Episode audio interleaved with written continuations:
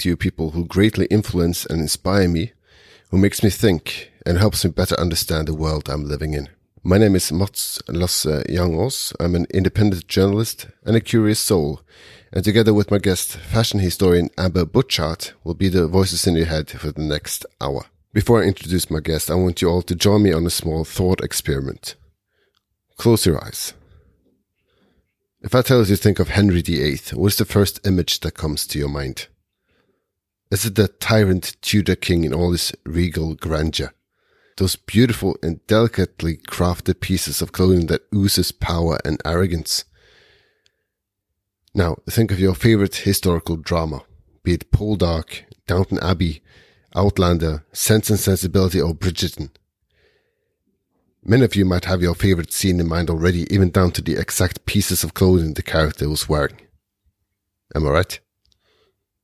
A great piece of costume in a movie or TV show can tell us in a few seconds all we need to know about the character. In our modern lives, it's easy to take clothes for granted. Items meant to be worn and worn out and then discarded. On the news, we're blasted with pictures of great mounds of clothes that are being burned, and sustainable fashion has now become the most important factor in us choosing what to wear next if we were aware that historians in 200 years would judge our lives and paint a picture of us as individuals based on what we were wearing, would we then think twice about what we chose to wear? Or would we at least be more conscious about what the old worn out t-shirt might tell someone about our lives? Fashion has always fascinated me, even though I have to be honest, I don't really understand much of it. And my sense of fashion ranges from questionable to uninspired. But there's so much that one single item of clothing can mean. There's so many strands of information hidden in the garments ready to be unveiled by those who know where to look. That is why it's a great honor that fashion historian Amber Butchart agreed to be a guest on this episode of Porträttpodden. Amber Butchart started her career as a buyer in a second-hand shop in London and has dedicated her professional life to fashion and its place in history. She hosted several programs on both radio and TV about clothing and how garments can tell us about the lives of those who came before us. She's an associate lecturer at the prestigious London College of Fashion, a job that has taken her all over the world, from Russia to Dubai and China. She also aids the police as a forensic garment analyst, helping the law enforcement in identifying human remains based on the clothing they wore as Louis XIV once was quoted as saying, fashion is the mirror of history. With that said, and without any further ado, I hope you enjoyed this episode, and here is Amber Butchart.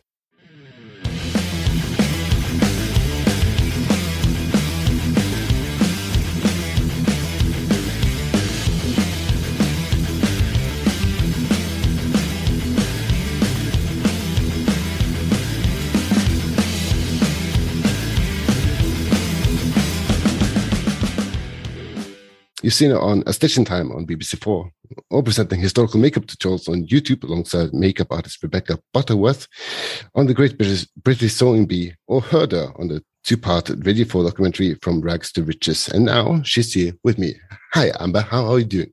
Hi, I'm good, thanks. Thanks very much for having me. It's lovely to be here. Well, it's a it's a pleasure that you that you uh, agreed to, to, to be a part of this podcast. Uh, great honor to to finally ha- have you on my guest list most of my listeners might, might know you from uh, from from uh, various BBC shows you've done or on on radio, but um, we'll try to to uh, get a more uh, firmer grasp on, on on what makes Amber tick during the course of this uh, this episode. Um, if my research is correct, you grew you grew up in a small seaside town in England. That is correct. Yes, good, I good. did. Yeah. That's a good start. yeah. yeah. Um, uh, and uh, you did you did your master thesis on on uh, the, the um, navy uniform. If I'm correct. Uh, yeah, that's correct. Wow, that is uh, some deep diving research. Yeah, yeah. yeah. yes, I did. I did my uh, master's thesis looking at the impact of the British naval uniform on on swimwear at the time, on 19th century swimwear, mm. and the seaside as a site of fashionable display and uh, those kinds of areas. Yeah, yeah, exactly. Yeah. So, well, to, start off on, on, a more of a philosophical note, what aspects of this uh, seaside mentality uh, have you brought with you in your professional life? That is a great question. Um, yeah. Well, certainly researching the seaside and clothes worn at the seaside, the social history of the seaside in Britain, it has, as you can hear from my master's dissertation, fed into a lot of my work. I later on turned that research into a book called Nautical Chic, uh, mm-hmm. looking at the impacts of maritime clothing on our wardrobes, basically. Some of our staples of clothing, um, you know, whether it's a striped mariniere top or whether it's like a duffel coat, it, all of these things come originally from naval clothing. Hmm. so professionally, it certainly impacted me. In terms of a sort of seaside mindset, um, that's a brilliant question because I live back at the seaside now hmm. uh, in another small seaside town in Britain. And I think one of the things that's always attracted me to the seaside, it's quite particular to seaside culture in, in Britain, is that it can be a slightly eccentric place. Yeah.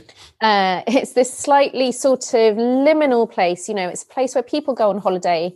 It's a place where the normal rules of engagement are relaxed. And mm. we certainly saw this like throughout the 19th century in Britain when the seaside was really developing as a as a holiday space, as a place for people to go and and have fun.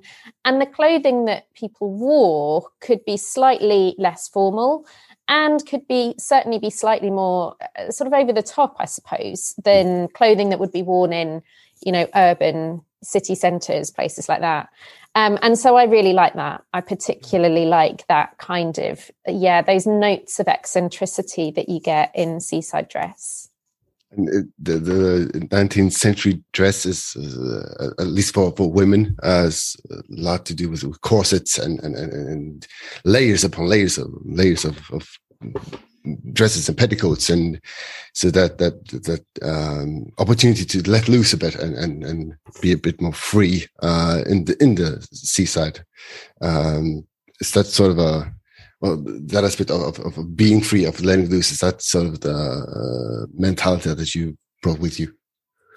Yeah, I guess so. I guess so. It certainly is a place where rules can be challenged, I think, mm. or, you know, was throughout the 19th century and the early, early part of the 20th century, definitely.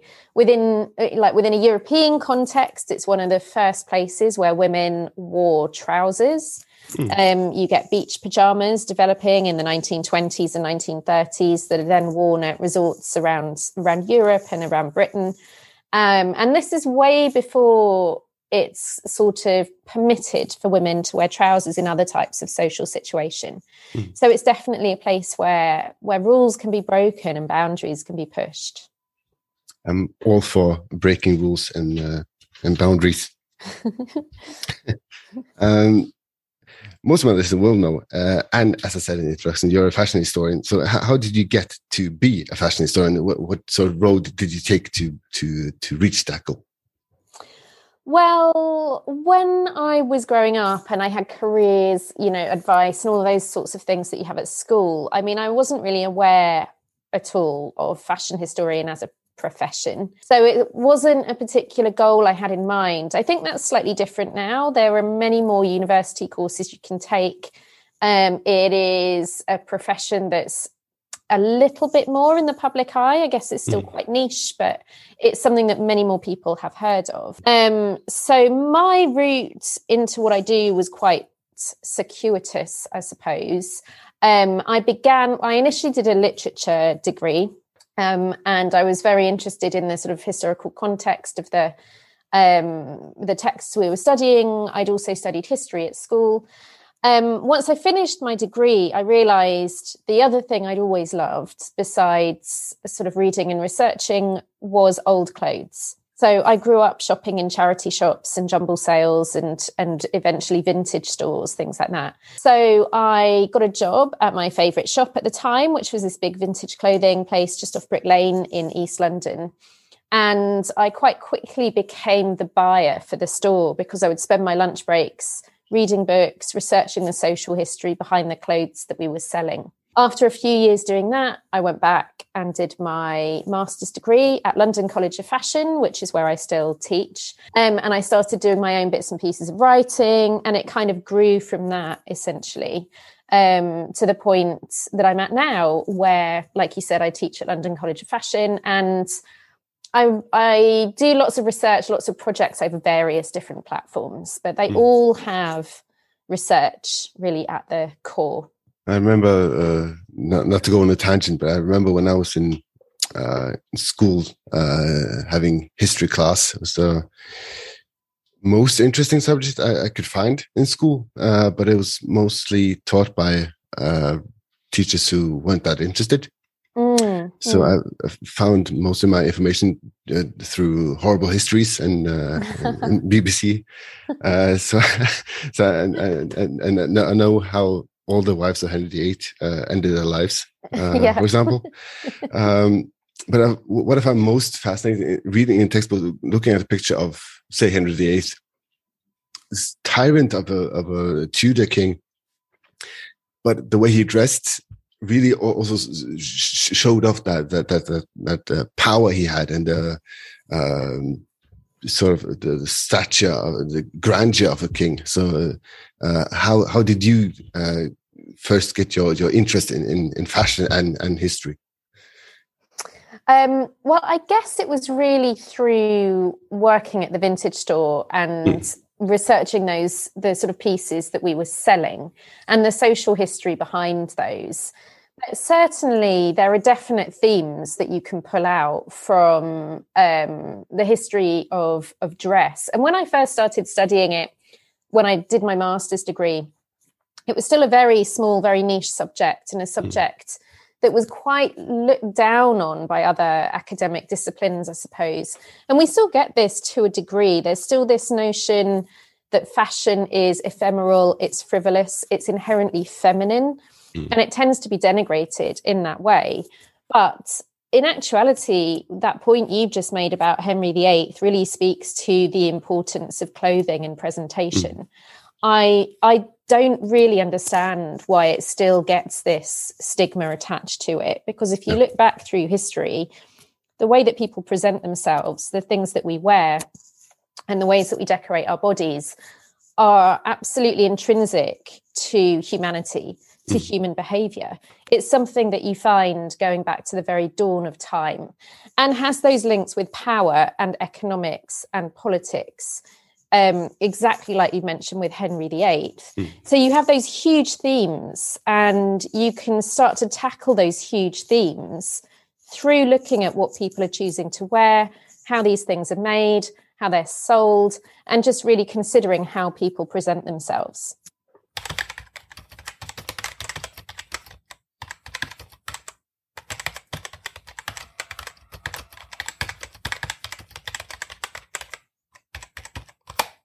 Use a, nautical chic as as uh, as an example uh, because usually when you when you watch period dramas uh, like I don't know Outlander, uh, which is a huge show here, see in Norway. Um, so always fall into the trap of, of big top hats for men and really cinching corsets for women, and that's sort of the, the go-to. Uh, real life uh, uh, people uh, living in 18th, 19th century Britain had more than just one pair of corsets and uh, and stays, uh, for example. So, so, in, for example, like writing uh, nautical chic, how, do you go about researching that that time period? so there are a number of ways you can start to approach your like research depending mm. on what you're focusing on. Uh, so for nautical chic, I was looking at various different maritime professions. And if you're considering something like uniform, there's quite a mm-hmm. lot of documentation about that yeah. um, from the Admiralty um, here, you know, the, the Naval Admiralty, um, various rules that were laid out. Uh, so you can glean quite a lot of information about that also depending on when you're looking you can you know fashion magazines obviously have a lot of information although it might be mm. idealized information you know not everybody in 2021 dresses like the shoots that you'll see in Vogue. So you yep. have to keep that in mind, of course. Mm. Um, and that actually does get to that distinction. And, you know, your question really gets to that distinction between the class distinction in, in clothing, yep. which is still um, uh, relevant now, but was particularly relevant in the past before the kind of globalized fast fashion system that mm. we all live in today it was very, very clear who was rich and who was poor from the clothing that was being worn. Mm. So you do have to bear that in mind. And in the past, while you know museum collections today may well hold pieces from the uh, you know 16th century, if you're very lucky, may have some 17th century, certainly 18th, 19th, 20th century clothing. Mm. But the majority of that clothing, up until you get really into the 20th century, is mostly clothing of elite groups of people, very wealthy yeah. people. This is the clothing that was collected and conserved. So you have to research in different ways if you're looking at the clothing of everyday people. Mm. Um, you know, considering things like uh, wills, you know, what was bequeathed, what was handed down, looking at court reports, what kinds of mm. things were stolen. Uh, so you have to get a bit more inventive. So there are a number of different ways of researching, uh, depending on what exactly it is that you're looking into.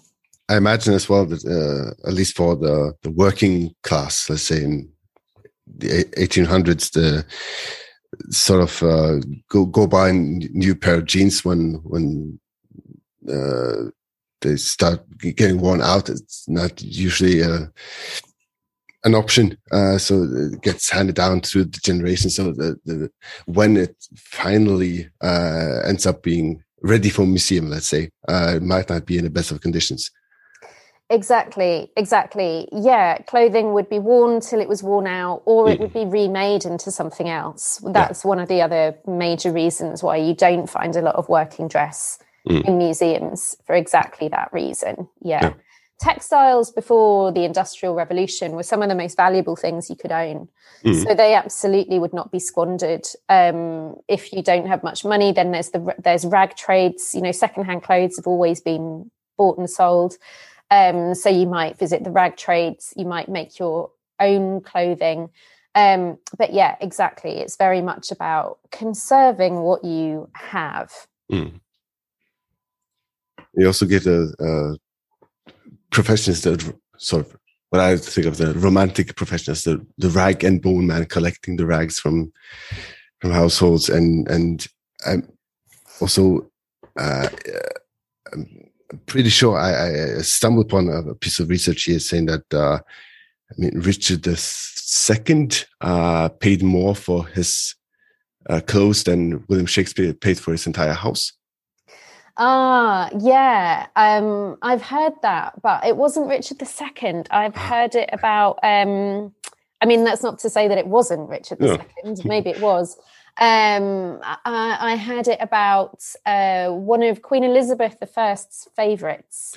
Oh, yeah. uh, one of her favourite courtiers apparently spent so much money on clothing that it was more than Shakespeare paid for a house. Mm. I mean, that really hammers home that point of how expensive textiles yeah. and clothing were in the past. Yeah. We've completely lost sense of that now. We're mm. so used to being able to go into a shop and find something affordable mm. that we've completely lost sense of the the value, the labour that goes into making clothing and textiles, which is a mm. huge part of the problem with the contemporary fashion system. In 2018, 17 million tons of textile waste ended up on landfills. This is according to data from the Environmental Protection Agency, making up 5.8% of the total MSW, or municipal solid waste, indicating the environmental pressures humankind put on the environment just that year.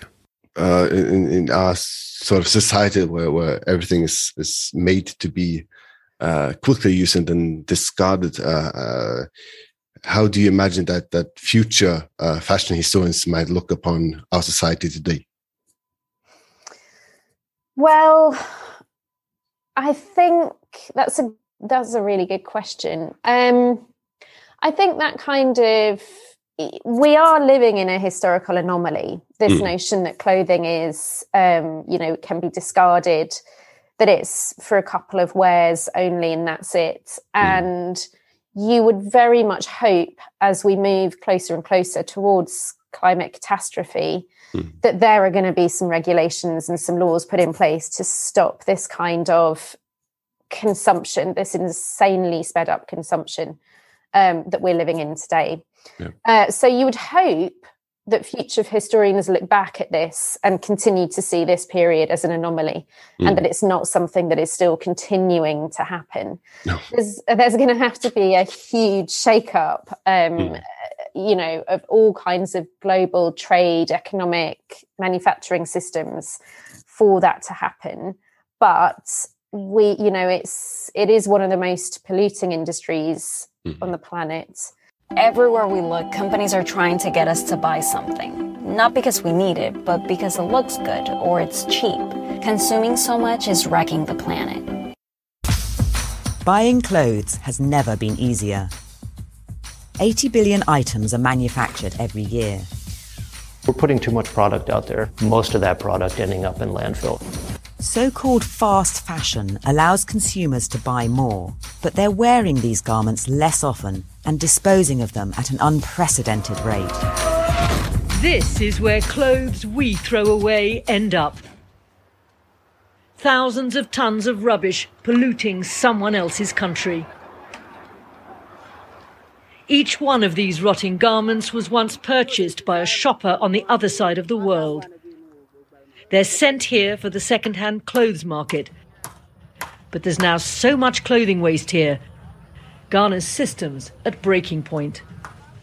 There are going to have to be some changes if we want the world to remain a livable space. Yeah. Um, and so, you know, it would be my dream, my wish that future historians look back at this and see that sped up consumption uh, for for what it is you know, a symptom of, of late stage capitalism, basically. Mm.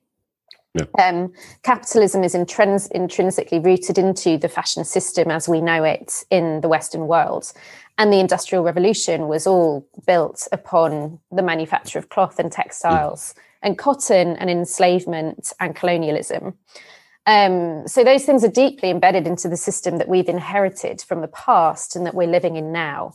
And yeah, we can only hope that this will come to an end and will be viewed as an anomaly in the future.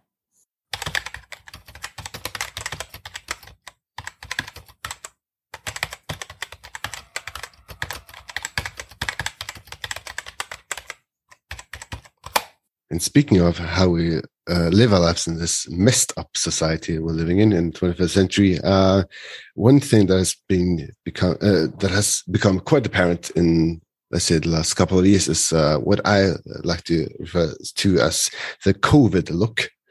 Uh, that's not to poke fun at, at, at COVID nineteen, of course, but the, the, the look that that on the top half you're, you're looking very smart and, and elegant, and on the bottom half, well, let's just say uh, in most cases it's a good thing that the camera doesn't reach that low. so, so uh, what's your take on the let's say the, the COVID look? yeah, I think that's a very good point. I think COVID, in many ways, uh, not just clothing, but lots and lots of different sort of social trends, has really sped up things that were already in place. Yeah. Um, and the big one is the kind of the increased casualization of clothing, I mm. suppose. Mm. Whether that is the Zoom look of you know being smart on top, like mm. you say, and then sweatpants on the bottom, or whether it's just generally wearing much more loungewear, um, you know, tracksuits, things like that. Mm. Um, sales of, you know, things like athleisure were already huge before mm. the uh, pandemic, but it has certainly exacerbated it. It was interesting during all of the lockdowns of 2020, especially reading um, i read an article at one point i think it was in an american uh, like broadsheet supplement talking about hard pants. And suddenly jeans yeah jeans were like hard pants. Mm-hmm. uh, and they would have this discussion like we're going to go out to this thing. Do i have to put on hard pants? Or can i keep my like you know track pants on or leggings on or you know yoga pants or something like that? Mm-hmm. uh, so that was uh, quite interesting that distinction between hard and soft pants how the tactile has become so important again. Mm. but i mean mean, it also really makes sense conceptually because we've all been living through an incredibly traumatic time.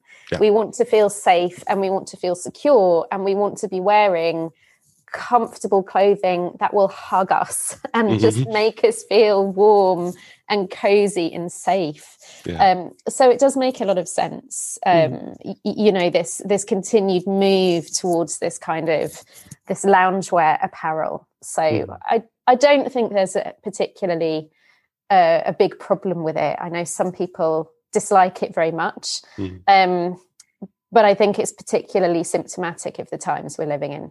Hard pants or soft pants? We ask the big questions on this podcast. um, oh, most people who who seen uh, seen your shows on on on BBC, like like a, a Stitch in Time, will, will will know you for for your distinctive look and uh, like uh, turbans and and and and this this uh, sort of timeless uh, appearance that that that's not inherently modern, but that is completely stuck in the past as well. This this perfect uh, balance of of, uh, of two worlds. Um, so, uh, so what, what, sort of style icons do you look up to uh, to to to sort of build your look? I suppose. Well, thank you very much. That's a very Good. nice way of putting it. A lot, a lot, nicer than some of the reviewers. So thank okay. you. um, Clothes are the ultimate form of visual communication. By looking at the way people dressed, we can learn not only about them as individuals, but about the society they lived in. I'm Amber Butchart, fashion historian. And in the words of Louis XIV, I believe that fashion is the mirror of history. In the six-part BBC show A Stitch in Time, Amber blends biography, art, and the history of fashion into a complete picture of six historical figures. Charles II, Arnolfini, the unknown hedge cutter, the subject of a painting by George Henry, Dido Belle, Edward III, also known as the Black Prince, and Marie Antoinette. Through each episode, we are guided through the lives of these inspiring people, led by the Hand by Amber Butchart. And we get an intimate glance at their lives through one of their items of clothing being recreated using the technology of the time. I think um, for for a stitch in time, I was definitely um, well. I mean, I've always been quite influenced by 18th century menswear.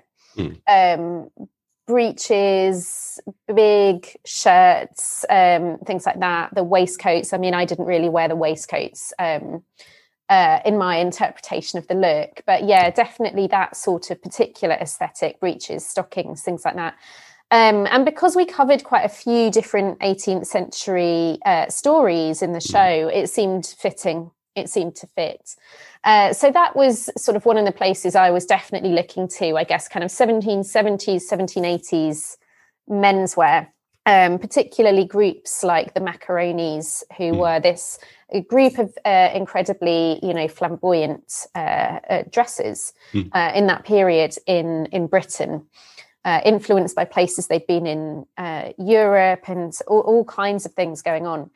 But one of the great things about my job is that I'm always researching different people in different periods and mm. getting inspiration from all over the place.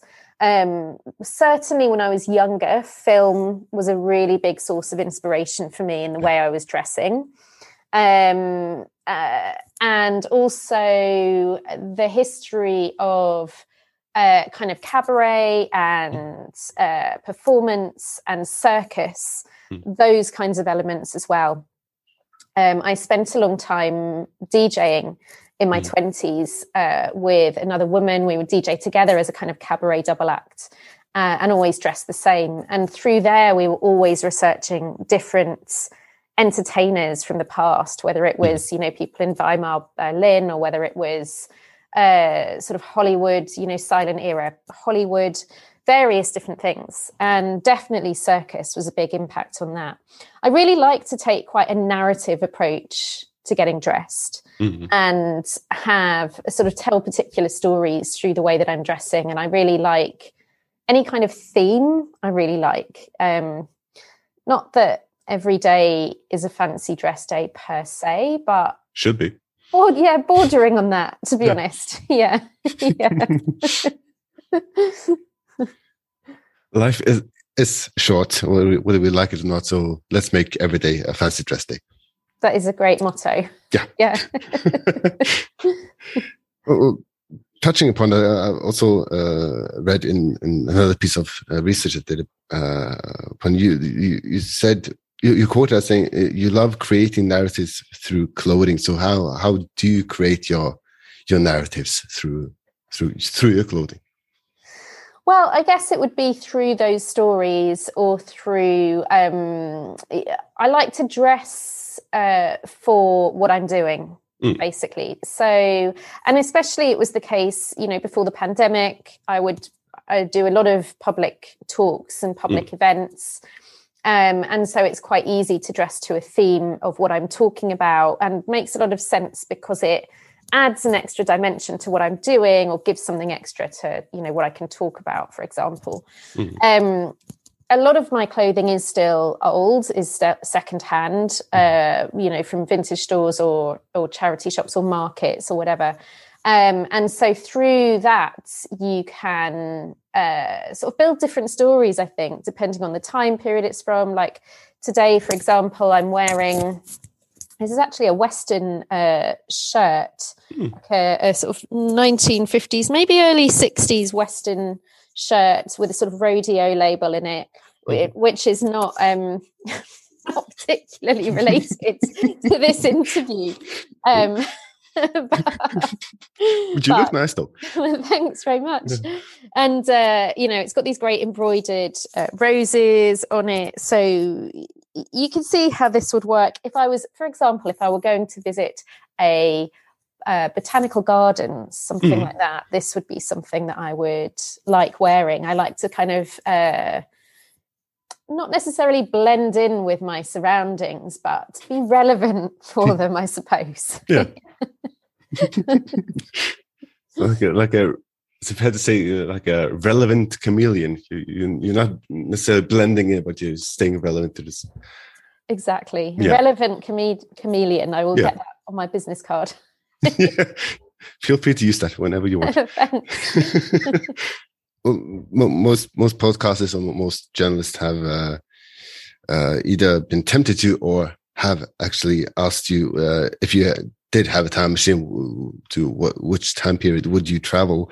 Uh, i won't go down that route again because you're you already answered that in other interviews. Uh, but I'll, I'll, touch on another subject. I'll, I'll, broach that question in another way. Uh, so what is the, the importance for you uh, of the enchantment under the sea dance in november 1955 um, that's from an interview I did quite a few yeah. years ago. uh, yeah, where I was asked that exact question, and that mm. was indeed my answer. Um, you know, as a historian or as anybody who researches the past or is interested in stories from the past, it's impossible to give a time period that you'd want to go back to. Yeah. Especially as a woman, is you know, especially if you were someone of color you know it, it, the past was not a great place no. um to be honest so i would not I, there's no period that i would want to live in in the past absolutely no. i would be happy to be a tourist in the past of course mm. i would love to go back and see various different eras um, but so my answer there, the enchantment under the sea dance, that was a um, a reference to the film Back to the Future, yeah. which some people may have seen, mm-hmm. may have seen the entire trilogy. In fact. Hey guys, you gotta get back in there and finish the dance. Hey man, look at Marvin's hand. He can't play with his hand like that, and we can't play without him. Yeah, well look, Marvin, Marvin, you gotta play. See, that's where they kiss for the first time on the dance floor. And if there's no music, they can't dance. If they can't dance, they can't kiss. If they can't kiss, they can't fall in love, and I'm history. small indie film. It's, yeah, tiny. Yeah. yeah. it's really cult, like obscure yeah. art house film. Mm-hmm. Um, obviously, the whole series of films are about time travel. Um, and so it just we're sort of playing on that notion that it's just a bit of a ridiculous question to yeah. ask when would you go back, especially mm. for people who, you know, wouldn't have had a great time in the past living mm. in the past for for various reasons yeah. so it was really playing on that plus i mean it does look like a lot of fun the enchantment mm. under the sea dance like who mm. wouldn't want to go to that yeah like Why inspires not? chuck berry like it's you know brilliant it's history in the making Exactly. Yeah. yeah. All right, guys, uh, listen to this blues riff and B. Watch me for the changes and try and keep up, okay?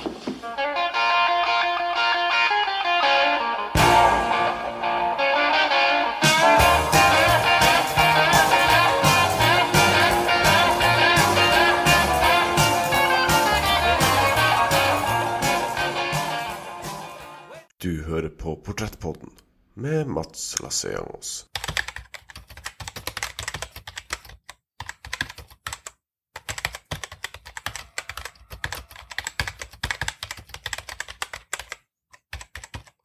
Are you enjoying this episode thus far? Do you want to make sure that further stories like this are featured on this podcast? Then you can show your support for Portrettpodden by sharing this episode with a friend or two, share it on social media, and you can even buy Portrettpodden a cup of coffee on www.buymeacoffee.com slash Portrettpodden. That's uh, www.buymeacoffee.com forward slash P-O-R-T-R-E double T P O double D E N. Link is in the description of this episode. Thank you for listening. And now back to Amber Butchart. That, that, this is also a great point uh, which you bring up. I think most people don't necessarily think that much about because say I would love to go back to the Victorian era.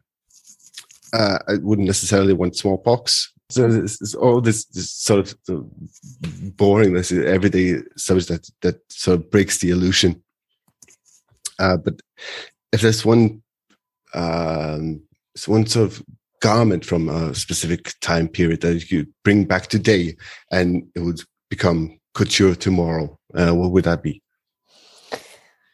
Oh, wow, that's a difficult question.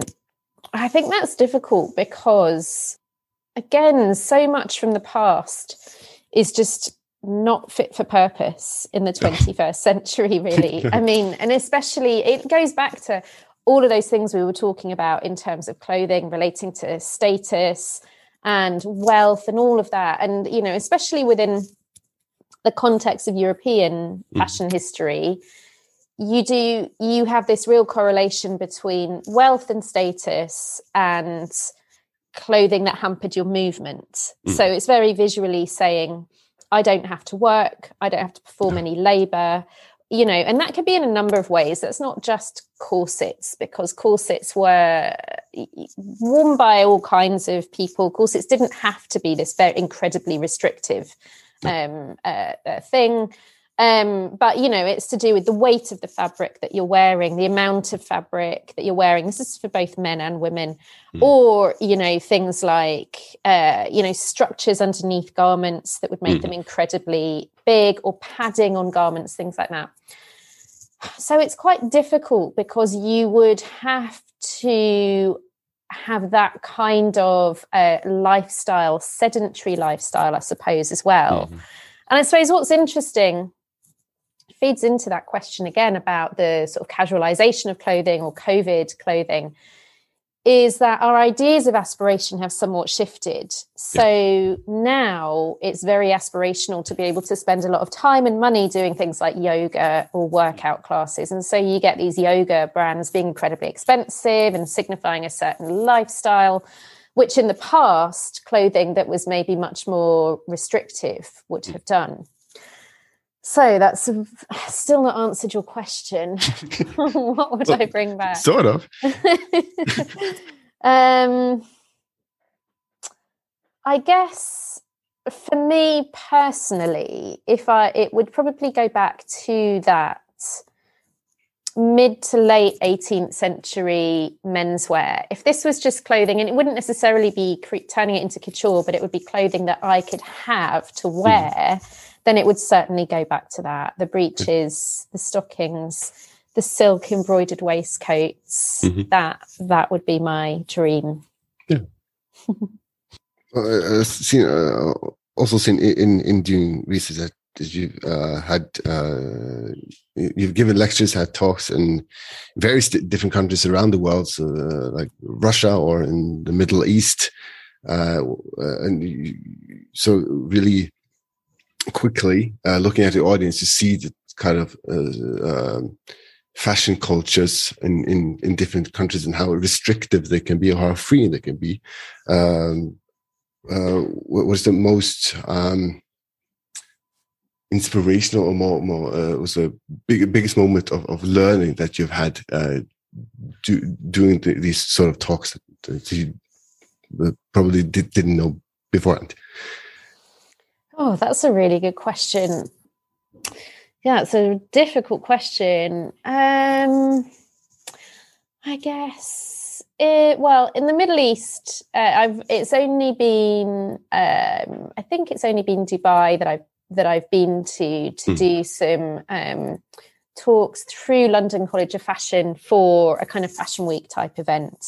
Mm. So you you've got to bear in mind, I suppose, that it's particular types of people that would be coming to this event anyway. You know, yeah. like it's like at London Fashion Week, you see people um, dressed at shows at London Fashion Week that you don't really see dressed like that in any other context. No. So you're not really being given a completely, um, you know, crystal clear look at mm. the entire range of cultures, societies, people within that particular area by any means. Um, however, I mean, I guess uh, a few years ago, I did some teaching in China. Mm. Uh, I spent a week uh, teaching at a design school about sort of Western fashion history and spent some time there doing some museum trips with the students and then spent some time traveling around afterwards.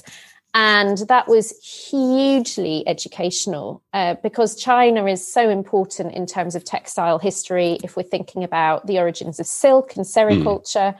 and the importance that that still has in Chinese Chinese history, Chinese culture, Chinese mythology as well. Um, and also things like the Silk Road, obviously, mm. these huge foundational movements of people and objects and uh, uh, you know trade which along these routes you get not only um, uh, commodities to be bought and sold mm. but also ideas moving along these routes religions diseases you, you know these are incredibly foundational in terms of considering global histories mm. so that was absolutely incredible and i visited i was in one of the historic um, silk centers of China while I was teaching. So they have the National Silk Museum there, which is mm. phenomenal and an incredibly uh, important global center of research into textiles. And really getting more of an idea of that of, of the place of clothing in various different um, uh, parts of Chinese history was mm. incredibly, incredibly uh, beneficial. I also spent some time in Shanghai and visited a museum collection there that I'm still working with and hope to be working on a project for them at a, at a museum here, which should be coming to fruition in 2023. It's obviously been pushed back by COVID. Mm. So it has had also has has also had long term uh, sort of strands, I suppose, mm-hmm. that that trip. When I was there, I sort of knew that it wouldn't be the last time I visited China. I knew I would be back, and I should hopefully be back possibly next year, depending on how things go with uh, COVID. Yeah. Um, for research for this new for this other project that came mm. out of that trip. So I guess that was something that was incredibly educational. Um, but really, each trip I do is is very educational traveling is one of the things that is most important for me in my life. I know lots of people would say that and lots of people have been have a really heightened awareness of that over this last year and a half yeah. where travel has been so restricted mm. um, but it really made me reflect even further on how much how important it is for me to be able to visit other places other people other cultures just to be constantly learning about other people just to have that constant you know um awareness that your perspective on the world is a cultural construct. Other people yeah. see things differently and experience things differently, and it's just so important. Um, and I've missed it so much. And I find traveling such a huge um, inspiration in the work that I do. That every trip I do is is really important in terms of research and learning um, and I miss it. I've been in the UK for like since January 2020, and I'm desperate to be somewhere else for a while. it's not been great here, you know, especially with all those no. themes in mind about openness and considering other cultures. You know, we've been dealing with Brexit at the same mm-hmm. time mm-hmm. as dealing with the pandemic, and honestly, things here are not good. No. yeah be thankful you're not here. yeah.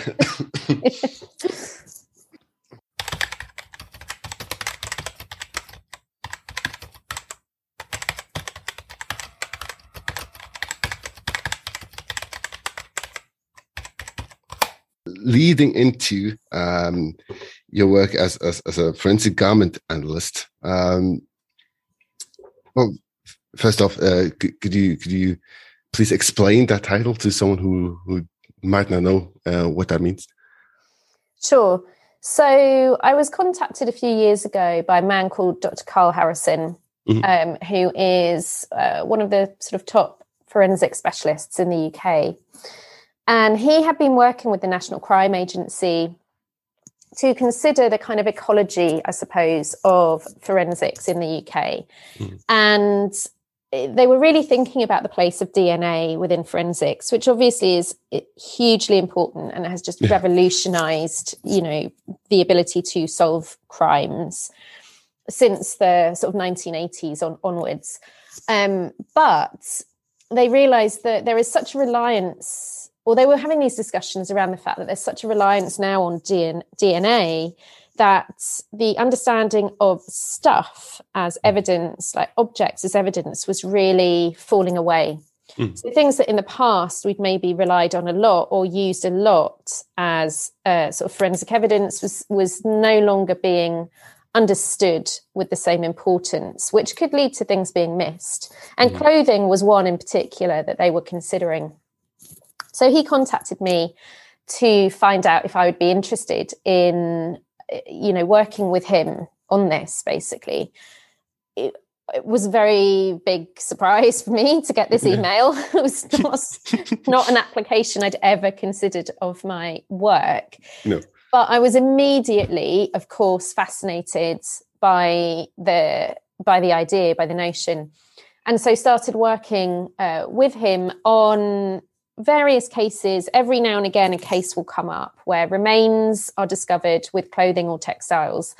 And for whatever reason, maybe the DNA um, uh, isn't available or hasn't been tested for DNA, and the clothing can give an ex- additional context mm. to uh, helping to identify who this, you know, who this person may be. Mm. Um, and so I've worked on a few cases uh, since then, and it's just absolutely fascinating work. It's an entirely different headspace that you have to get into, of course. And when mm. I first started, I had to tread very carefully. I wasn't I spoke very openly with Karl about this. You know, I wasn't sure what I was going to be okay with, what I wasn't going to be okay no. with. And for anyone entering that arena, where it's not their full time job, you have to go through this process of, of considering how you handle this, how you cope yeah. with it, essentially. Um, even being in rooms where professionals are discussing things in a very uh, sort of light way because they're people at work and they're just discussing yeah. work but work is like you know murder and violent assault or sexual assault is like very if when you come straight into that it obviously is shocking. Yeah. Um and something you really have to sort of uh, consider and sort of, of work on and think is this going to work is this going to be okay for me? So you're sort of constantly establishing and re-establishing your own boundaries and your own um uh, the own the things that you feel comfortable with. Mm-hmm. um so I started working on some cases. I also started doing some training to crime scene investigators as well, just to kind okay. of really raise awareness that clothing can be useful in a hmm. crime scene. Don't dismiss it. And especially it leads back to that those discussions about fast fashion and globalized fast fashion. People think that, you know, one white t-shirt is the same as every other white t-shirt or mm. a hmm. pair of jeans these things are so ubiquitous that there's uh, can be sort of they can be dismissed yeah. as things that are just you know it's almost like oxygen it's like the air mm-hmm. it's like it's not important because it's everywhere yeah.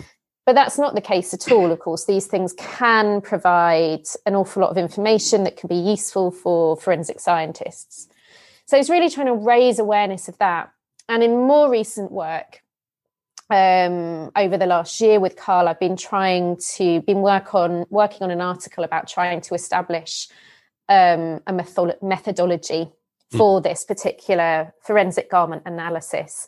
So, taking elements from textile archaeology, taking elements from forensic textile fiber science, and mixing it with the sort of cultural studies approaches that we teach in fashion schools about clothing and identity. Um, and so trying to sort of come up with our own methodology for this that can mm. potentially help in future cases. Without going too, too much into specifics on, on, on each case, of course, but how, how do you then work as a forensic garment analyst when you, you're quote unquote handed a, a human remain and you have to, to, to try to decipher uh, who this person might be? So it's usually done in the lab, uh, mm. in the laboratory, and by the time it reaches me, uh, it's the human the clothing has been re- largely removed as much as possible from the actual human remains okay. um, that are there now without wanting to uh, be too um, detailed there's often this is this is often remains that have been um, you know left for a long time so yeah. there's no, you can't completely remove one from the other. There's a lot of mm. uh, decomposition that's happened into yeah. into this, you know, into the the textiles that we're looking at. Um, uh, so that's one thing, one very big initial thing that you have to sort of think: is this something I can work with? Is this going to be okay?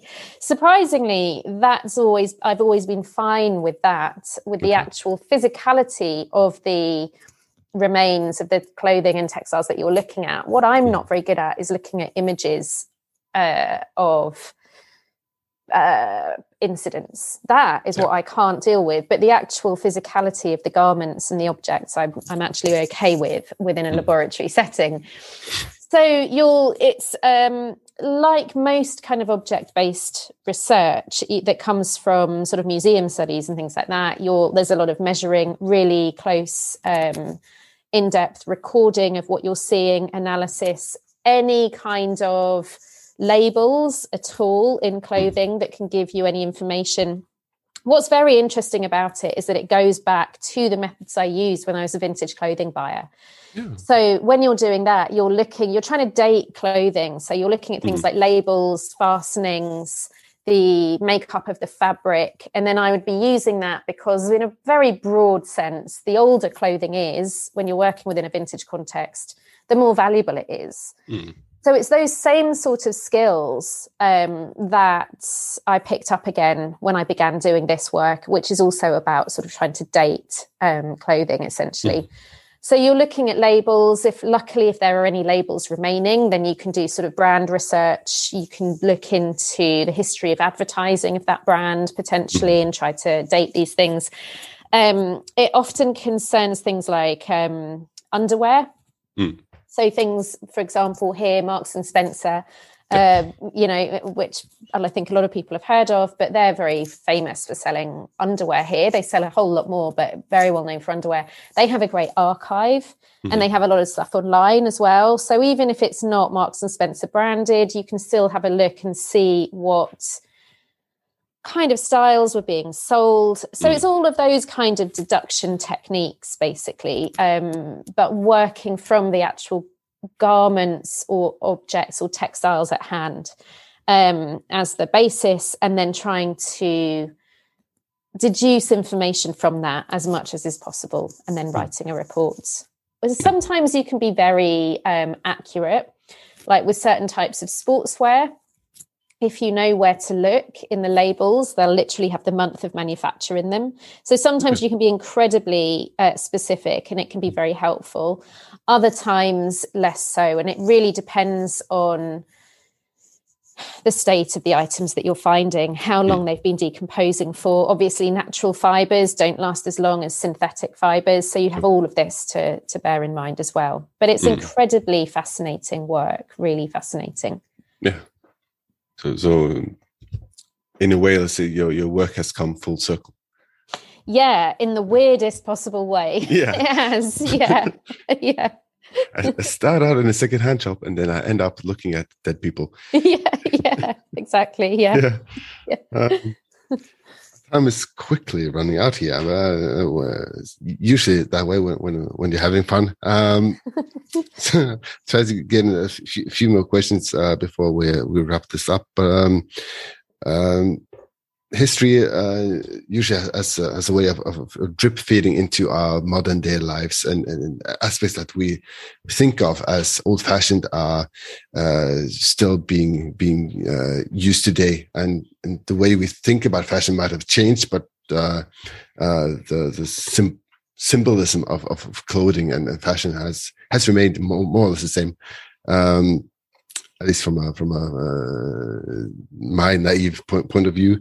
Um, going back to uh, a stitch in time, um, uh, many of the, the garments uh, uh manufactured on that show was was was uh, later uh, part of an exhibit. It's called Ham House in oh, Richmond yeah. in West London, which is one of the locations for filming. But yes, right. yeah, they went on display. Yeah, yeah. If if if, if someone were to look at an exhibit of of of, of um, your your life uh, uh, after we're we're both gone. Um, what what sort of uh, items of clothing do you think would would would garner the most interest, and and and, and what do you think people might uh, gather from from the items of clothing? Let's see. Oh, that is a really good question. Um, and actually, I think my wardrobe would really confound someone like me doing the forensics research, okay. um, uh, which is something to bear in mind. And when I when I've been writing about this potential methodology with Karl, you do have to consider uh, secondhand clothing. You know, mm. what if someone's wearing something that's you know was produced a long time before they were actually born, or you know are wearing it? You do have to keep those things in mind.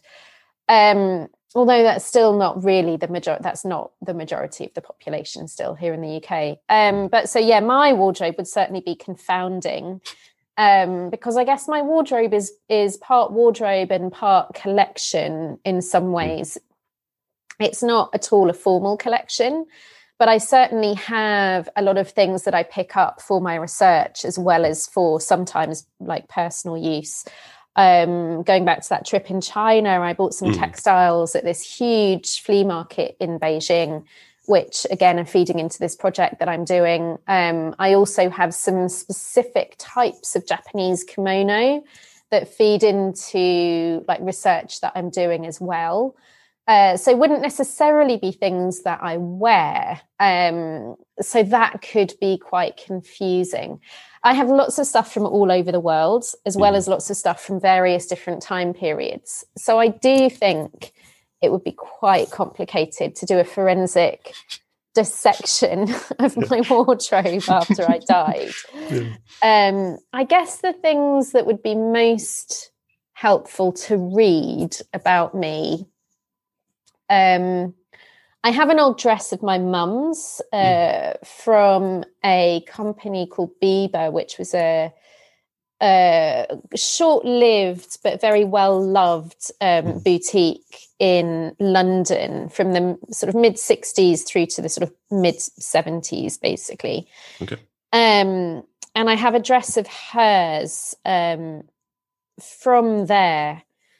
So it's obviously the dress itself is a lot older than me, but I think it's a dress that I've actually researched a lot. I used it for various things when I was doing my master's degree, and I've used it for subsequent things as well, and often uh, talk about it when I'm giving talks and things about the importance of clothing and dress because it speaks a lot about the relationship between generations, mm. particularly mm. mothers and daughters, and how that relationship can be be uh, not forged through, but enhanced maybe by the sort of giving of clothes, things like mm. that. Um, speaks a lot to like the place of London as a style city in the sort of 60s the dress itself is really medieval inspired, but it's a hmm. particular type of medievalism that's been fed into by ideas around pre Raphaelite art in the 19th century. So there's a lot of kind of art history and fashion history all bound up in this one dress. Mm-hmm. And it's green, which is one of my all time favorite colors. Mm-hmm. Um, so for me, it's certainly a garment that has a lot of meaning and a lot of stories attached to it. Um, and even though not all of those stories directly relate to me, I think the multitude of stories speak to what I do in yeah. terms of telling stories through clothing. yeah.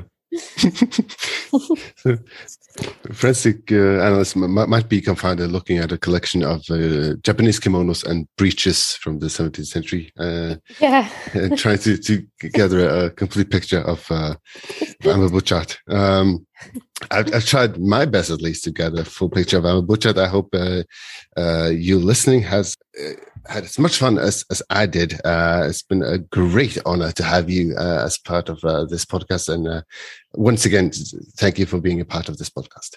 Oh, thank you so much. Thanks for having me. This has been great. You've been listening to an episode of the podcast Portrettpodden. I've been your host, Mats Lasse Jangås, and my guest in this episode was fashion historian Amber Butchart.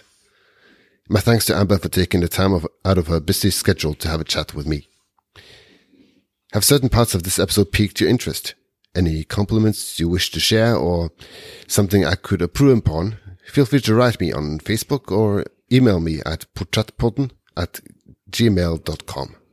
That's P-O-R-T-R-E-T-T-P-O-D-D-E-N at gmail.com. If you like this episode, I hope you share it with a friend or two or even share it on social media. You can also support Portrettpodden by buying me a coffee at buymeacoffee.com forward slash Portrettpodden. All sound clips used in this episode is used in accordance with the law of fair use. Portrettpodden works in accordance with the code of ethics of the Norwegian press. Thank you for listening, and I hope you'll be back real soon.